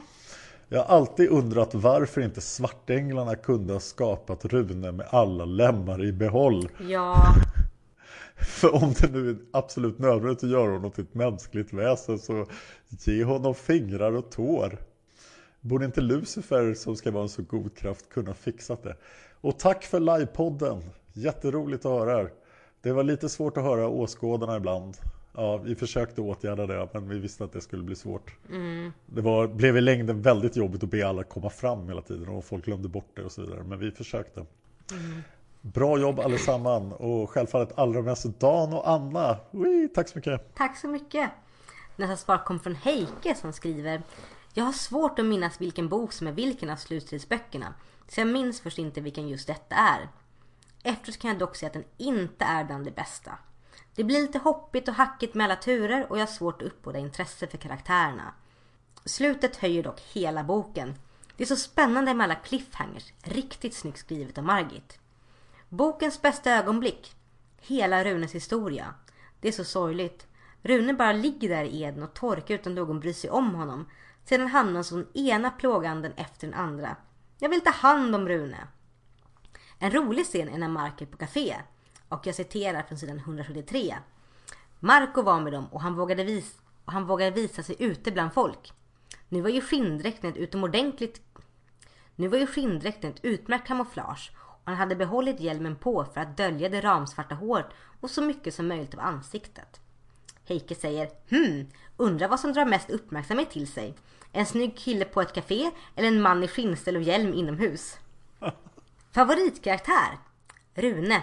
Jag gillar Marco också för äntligen är han lite mer mänsklig. Ian Morahans saga hade kunnat vara gripande men jag har svårt att intressera mig för hans öde just nu. Det är äntligen tid för den stora kampen mot Tengil Nonde. En kamp som varit på gång ända sedan första boken. Och då tas hälften av sidorna upp av en vanlig sjukling. Det är synd för jag tror att Morahan hade kunnat bli en riktigt bra karaktär om han kommit in i en tidigare bok. Övriga tankar? Tengil Nonde blir mer och mer löjlig för varje gång han dyker upp. Den här gången är det flygplan som han tycker är läskiga. Och jag citerar från sidan 13. Dock hade dalen ibland andra gäster som man inte förstod och därför absolut inte tyckte om. Några enstaka gånger hade det kommit stora fågelliknande saker över hans dal. Det hade bråkat förskräckligt så det skrällt och skakat i hans öron och de var så hiskligt stora att han hade börjat bli nervös. Och det värsta var att han en gång sett människor inne i dessa mekaniska monster. Tengil Onde förstod inte och han hatade att inte förstå. Heike säger vidare varför har Jonathan en lång utläggning om vad en Dagoba är? Det är helt irrelevant, särskilt natt som den här då tiden knappt räcker till. Att Sol älskar Hanna har vi vetat sedan första boken. Men jag tycker hennes fascination är lite överdriven. Det räcker med att hon hör namnet Hanna så bryter hon den hänförda suckar om hur underbar Hanna var. Varje gång någon, varje gång någon talar om Hanna så tjuter Sol Åh, Hanna var fantastisk! Stilla könet kvinna! Heike säger vidare, jag gillar inte alls det här med nummer ett, nummer två och så vidare. Det känns som det är björnligan som jagar de utvalda. Inte heller förstår jag varför det måste ha så övertydligt obildat språk. Det blir bara löjligt och inger ingen skräck alls. Isfolket har så himla många användbara egenskaper i släkten. Men när de ska skänka något till de utvalda som kan hjälpa med kampen så skänker det släktkärlek. Borde inte alla de utvalda redan ha det med tanke på att de tillhör isfolket? Hade inte varit mer hjälp att få helande händer, förmågan att känna folks sinnesstämningar, manande eller någonting annat? För övrigt är tre av gåvorna de får nästan likadana. De olika grupperna kanske skulle snackat ihop sig lite först. Och jag citerar från sidan 131. Men för den skull behöver ni inte skrika på hjälp hela tiden, sa Sol med ett snett leende. Det finns något som heter Vargen kommer också. Vi kan tröttna på att komma vid minsta fara och därmed utebli när ni verkligen behöver oss. Slutcitat. Heike säger Isfolket förberett sig i flera hundra år för att ta upp kampen mot Tengilunde. Så det känns lite småsnålt av Anna att tröttna och vägra komma bara för att visa en poäng. Det är väl inte riktigt läge för det just nu. De fem utvalda får varsin flaska med det klara vattnet. Shira säger att det är bättre än att hon har vattnet eftersom hon är slut på den flaska redan, som hon hade redan och inte kan få någon mer flaska att slösa bort. Jag tycker det är ett dumt resonemang. Det är inte som hon gått och skålsupit med vattnet eller så.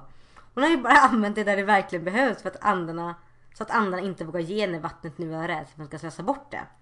Antagligen hade Frida varit lite mer sparsam med vattnet nu än dags för kamp.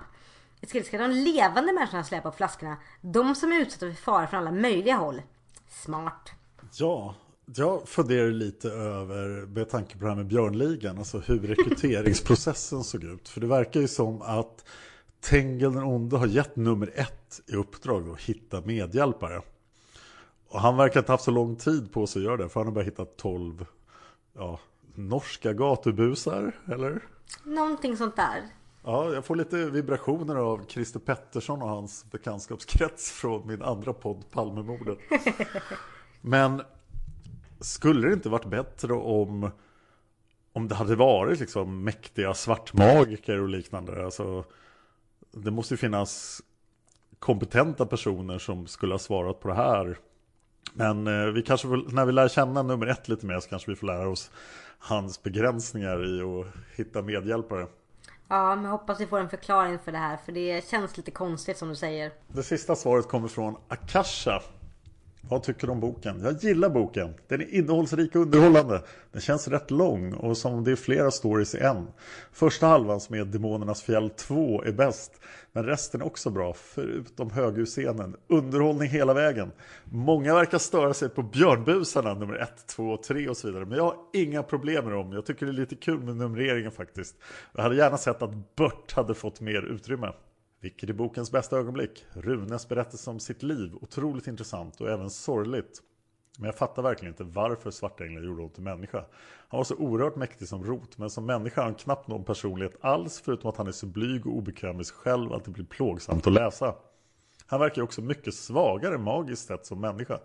Vad var poängen med att stjäla lille Nathaniels älsklingsleksak och ge honom och resten av familjen trauma för livet med den hemska upplevelsen när de omskapade Rune och dessutom ge Rune ett obekvämt liv med att bli jätteful, ensam i sin art och dessutom stympad. Svartänglar borde väl ha så mycket makt att de kunde göra honom snygg och hel från början. Eh, och då måste jag inflika med var 17 är Rune någonstans? Ja, i boken. Ja. Ingen aning. Han sitter kanske och typ rullar han har kanske inga tummar. Jag vet inte var Rune är. Jag ska inte han följa med? Nej. Jag tycker han är ju fullständigt fysisk. Så att... Ja, han har ju ett högsta råd så han kanske sitter med Tagenor och Dida i rådslag och rådslår om saker. Högsta rådet, möte nummer 157. Ja, vad har vi på dagordningen? Jag fortsätter med Akashas kommentar. Episoden i höghuset känns också väldigt rörig och märklig. Vad gör Tengilronde där egentligen? Och Ellen, give me a break. Vill ni ha en bit bröd kanske? Men seriöst, och så himla märkligt att alla tror att Tengilronde är oskadliggjord. Seriöst, ni har kämpat mot honom 800 år. Tror ni verkligen att ont krut förgås så lätt? Vilken är din favoritkaraktär och varför? Tova är en klar favorit. Hon känns som någon jag skulle vilja ha som kompis. Tänk vad roligt man skulle kunna ha med henne och hennes galna trollkonster. Stört skönt när hon skrämmer skurkkvinnan. Är inne på toa med att förvandla sig till ett ruttet skräckväsen. Morahan är ju klart sympatisk och även han har ju tydligen isfolkets fantastiska språkbegåvning. Lite overkligt att han talar och förstår all norska när han bara lärde sig lite norska i barndomen. Mm. Jag gillar hans karaktär och känner verkligen för honom. Tengel den onde, oslagbart att han går in i kroppen hos en dammsugarförsäljare. Visst är Tengel den onde oftast rätt löjlig, men jag köper det. Ondska är en defekt, en störning. Och ondska människor oftast, ond, onda människor har oftast ingen som helst självdistans eller självironi. Och då blir man lätt löjlig. Stora egon är pinsamma och löjliga. Återigen, tack för en rolig podd. Det var kul med liveinspelningen, dock var publikens ljud lite svårt att höra ibland. Men vi ska fundera på om vi kan komma på någon lösning till det till nästa gång. För att om allting går rätt så kommer vi att podda sista boken i Häxmästaren nästa påsk. Alltså mm. 2018. Så håll tummarna för det. Då ska vi komma på något ännu bättre sätt så att alla hörs jättebra. Ja, min, min första plan är bara att vara hårdare med att tvinga folk att komma fram. Ja, jag tror det är min plan också. Eller ha någon som går runt med mikrofon men det skulle bli svårt att klippa ihop sen. Ja, eller någonting med kattungar. Jag kan nog komma på någonting. Okej. Mm. Ingen som har klagat på tutorna än. Det förvånar mig. Det är bra. Vi tyckte om tutorna. Tutorna får stanna till nästa år. Ja, eh, ska du ta första fel och missen? Ja, precis. Och det är Heike som säger följande. På sidan 129 säger Tula att Marco inte kan använda sina svartängelskrafter i Isfolkets dal. Han ska, vara enbart, han ska enbart vara människa eftersom han är värdelös som svartängel i dalen. På sidan 131 pratar Tengen den gode om Nathaniels krafter och då nämner han svartänglarnas påbrå som någonting positivt i jakten på ondskans vatten. Varför får Nathaniel vara ängel men inte Marco? Jag tror att det är en tröskel där att man eh, Alltså har man för mycket svartängelskraft så försvinner all Men har man bara lite grann som Nathaniel då klarar man sig fortfarande Mm. Ja, men det verkar vara det som eh, eh, konversationen går i den här forumtråden. Att det är lite utspätt. Så att då är det okej okay att Nathaniel har lite svartängel på brå. Sen kommer Heike igen här Men... Eh, den unge Tangil ville alrunan men verkar inte kunna bestämma sig om huruvida det är bra att stjäla den eller inte. Rune berättar på sid 30. Dessutom vore jag värdelös om jag blev stulen. Så till slut gav Tangil upp och väntade till min herre måste sälja mig innan han dog. På sid 32. Tangil fann mig och stal mig. Sid 48. Han försökte lura min husbonde, försökte sig på lönnmord, försökte stjäla mig. Sid 52. Och mycket riktigt, det var alrunan han ville ha. Han visste att man måste äga den, alltså ha köpt den. Annars verkade den inte. Eh, Okej, okay, jag är förvirrad. Jag är jätteförvirrad. Det var allt va? Det var allt. Alltså det är förvirrande. Eh, Nej. Hippies... Nej, ja. men jag, jag reagerar lite grann det här med stjäla och köpa. Jag skulle säga det att, precis som hippiespelaren säger, man kan ju stjäla även om man köper. Man är inte rättmätig ägare fast man köper. Att man försöker tvingas till ett köp. Ja. På så vis. Men just att Tangil Tengelunde alltså pendlar med att köpa och vilja stjäla fast han vet att man måste ha köpt den för annars verkar den inte jättekonstigt. Men jag tänker skylla det på att Tengelunde är en rätt korkad människa faktiskt. Ja, det är han ju onekligen. Silja Arnhemsdatter hittade till fel. Och det reagerade också på när jag läste. För Marco är plötsligt drabbad. För de säger så här, men ni två är drabbade. Och en av dem som syftas är Marco. Va? Vad händer?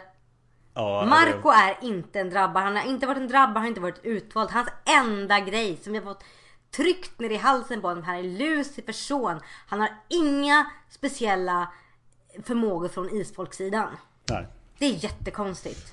Ja, jag är beredd att notera det som ett det är ett slar, fel. slarvfel. Det är faktiskt stort fel. Ja, och eh, nu har ju då min kära hustru kommit igång ordentligt med sina neggreflektioner. Så att jag tänkte vi skulle ta dem också. Eh, först går hon lös på Jonathan då, men vi har redan pratat om Jonathan. Och hon avslutar med återigen dyker Margits semesterminnen upp lite då och då i böckerna.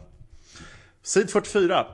Vänta ett ögonblick sa Nathaniel. Du sa att han var nära två, döden två gånger. När var den andra gången? De pratar om Tengen ondes väg genom grottorna. För det första är det ju jättefusk att han kunde blåsa i sin magiska flöjt så han slapp dö hela tiden. Hittar man bara en likadan så är det ju bara att spankulera in i grottan, claima att man är ond och blåsa i flöjten när det går dåligt. Första gången han blåste var då han kämpade mot de fyra andarna. Men när var nästa? Ja, så kom det en spoiler! Men eh, hon spekulerar i när det var då. Så här, vi måste gå vidare till nästa, det var alldeles för spoiligt. Sid 56. Två gånger i Isfolkets dal. Först för att få en ättling efter sig och sen för att få någon som kunde följa honom på hans erövringståg ut i världen och vara hans slav. Denna andra gång ville han försäkra sig om att avkomman hade den rätta inställningen. Så han gav sig på sin egen sondotter. Nu vill jag inte riva upp dina sår Dida, så vi hoppar över det nidingsdådet han utförde mot dig. Eh, too late. Smidigt Rune, smidigt. Jätteosmidigt. Sid 99. Eh, Ja, vad har du egentligen gjort med ditt liv, Ian Morahan? Han hade alltid varit en ensam varg och trivs relativt bra med det. Charmig särskrivning. För han är verkligen en ensam varg och inte en ensam varg. Sid 101. Åh, det var så många, de som skulle ha varit hans slavar och som helt fräckt vänt honom, vänt honom ryggen. Siglake, Jahas och Estrid, de idiotiska clownerna. Fanns det något som hette clown på Tengil den ondes tid? Eh, nej, Nej. Sid 122. Men varför gör människor så? Rasera grunden för sig själva och för all existens. Nathaniel suckade. Varje generation tänker på sig själv, korttänkt, för pengars skull eller för bekvämlighet. Vi ska ha det så lättvindigt som möjligt. Därför finner man upp finurliga hjälpmedel i farliga ämnen. Som snabbverkande tvättmedel som man slipper anstränga sig.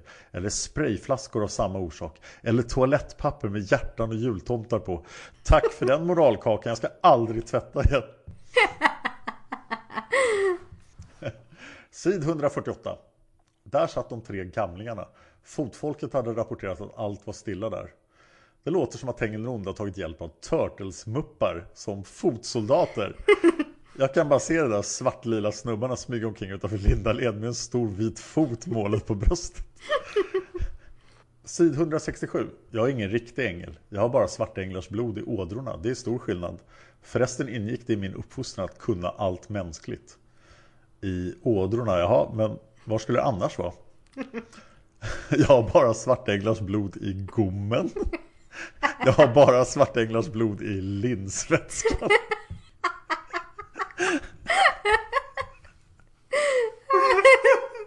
ja, äh, ja, äh, ja, det här är alltså då Vanja, min hustru som har skrivit också. Det sista förslaget är jag har bara svartänglars blod i kuken. Och om, Mark är uppfostrad att kunna allt mänskligt. Innebär det att han kan dansa macarena, äta sitt eget snor och svära utav bara helvete då han slår stortån i sänggaveln? Han blev utbildad i allt det liksom. Bäst utbildning. Ja, sen var jag tvungen att illustrera hur Marco betedde sig där, men det kan hoppa över. Ja, jag tror det var dem. Ja. Ja. Då har vi gått igenom hela lugnet före stormen, eller lugnet efter stormen som vi säger. Vi har gått igenom det, men vi har en iTunes-recension också. Ja! Den ger oss fem stjärnor på iTunes, så det Wow. tackar vi för. Den är från Skeo 1965. Ni har hela tiden blivit bättre och bättre. Längtar hela tiden efter nya avsnitt. Heja! Åh, tack så mycket.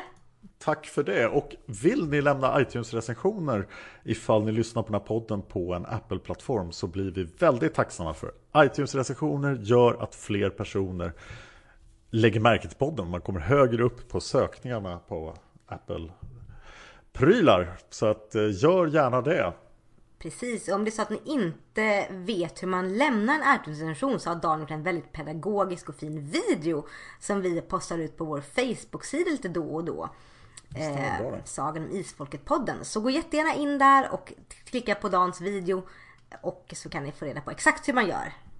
Ja, eh, vi finns på Youtube också. Ni får gärna gå in och prenumerera på Margit Sandemo SC heter kanalen.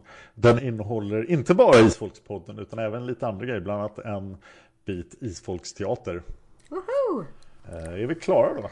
Ja, men först, eller nej. Först vill vi tacka alla som stöttar oss på Patreon. För det, Ja! vi har ju en Patreon-sida där man jättegärna får gå in och skänka pengar till oss. Och det, gör, det får man jättegärna göra för att jag och Dan gör ju det här för att vi tycker det är roligast i världshistorien. Men vi planerar för att fortsätta med både Häxmässan och Ljusets rike.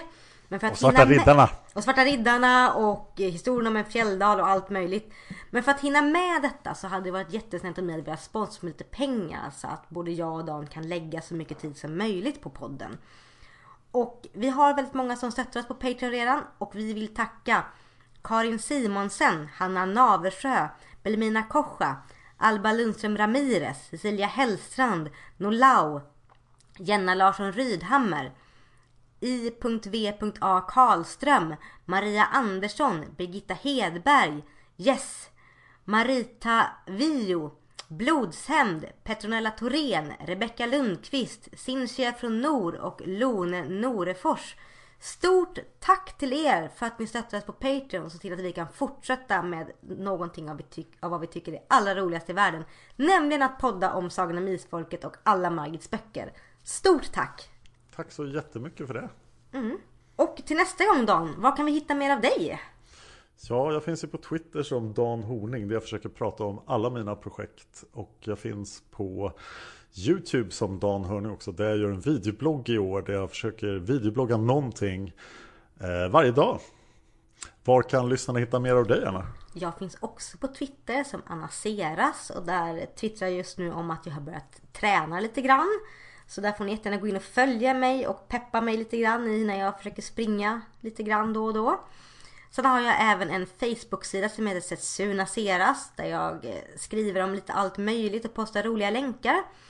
Och jag har ju även en blogg som heter setsunaseras.blogspot.se och där skriver jag om allt möjligt. Just nu skriver jag om min resa till Japan som jag var på för några veckor sedan. Jag skriver om feminism och antirasism. Och går ni in och följer mig på Facebook så kommer ni inte missa en enda bloggpost på mig. Så gå jättegärna in och följ mig på Facebook, Anna Seras. Eller Setsuna Seras. Och eh, följ gärna min blogg också, setsunaseras.blogspot.se. Jag eh, har en sak att tillägga också. Jag har lagt märke till att många av ni, er isfolkslyssnare har börjat lyssna på Seriemördarpodden som är en av mina andra åtta podcasts. Yay! Och eh, det är jätteroligt för att ni är så himla engagerade jämfört med Seriemördarpodden-lyssnarna i allmänhet. Så att nu har det blivit lite fart på Seriemördarpodden. Trots att det finns hundra gånger fler lyssnare på den podden. Wow! Så märks det när isfolkslyssnarna kommer dit. Så att, eh, hör gärna av er om ni börjar lyssna på den. Jag gör även en podd om Palmemordet och igår tillbringade jag eh, hela dagen med att intervjua en av de duktigaste journalisterna som har följt Palmemordet sedan det hände då 1986. Så att det kommer resultera i ett antal avsnitt av Palmemordet som jag tror blir de bästa avsnitten hittills. Wow! Det är jättebra. Men eh, ja, det finns en del avsnitt där så det, det är ett stort mysterium. Nu måste vi nog sluta. Ja, så får vi höras i eh, nästa bok då vi tar oss an en glimt av ömhet. Oh, Det låter väldigt, eh, ömt. väldigt ömt. Väldigt fint. Vi får se om det är en fin bok. Jag tror den är fin. Ha det bra tills dess. Nej, jag kom på en till sak. Va? En till sak? Jag vill Nästa. tacka Erika för våra fina eh, Alrunemössor. Ja! Det måste Ja. vi säga. Erika är en fantastisk lyssnare som frågade oss väldigt snällt om vi ville ha mössor med en alruna på. Och nu har vi mössor med en alruna på. Tack ja! för det. Tack så jättemycket. De är så fina och vi kommer posta upp, eh, jag kommer posta upp en bild på Facebook och på min mössa alldeles strax. Dan har lagt upp en jättebra video där han visar dem också. Men tack så jättemycket Erika. Det är därför jag säger att Isfolkspodden har fantastiska lyssnare och en av de bästa fanskarorna jag någonsin varit med om. Och i juli blir det isfolkspicknick på Brösarps backar. Och för att få reda på mer om det så måste ni gå till Sagan om Isfolket föreningen på Facebook. Precis, och vill ni höra lite mer om vad Sagan om Isfolkföreningen är så kan ni jättegärna gå in och lyssna på vårt förra avsnitt i Månas fjäll där Julia som är vice, vice ordförande berättar om Isfolksföreningen. Så gå in och gör det! Det finns massa roliga saker som kommer hända i år. Yay! Nu säger vi hej då! Okej. Ha det bra! Hej då!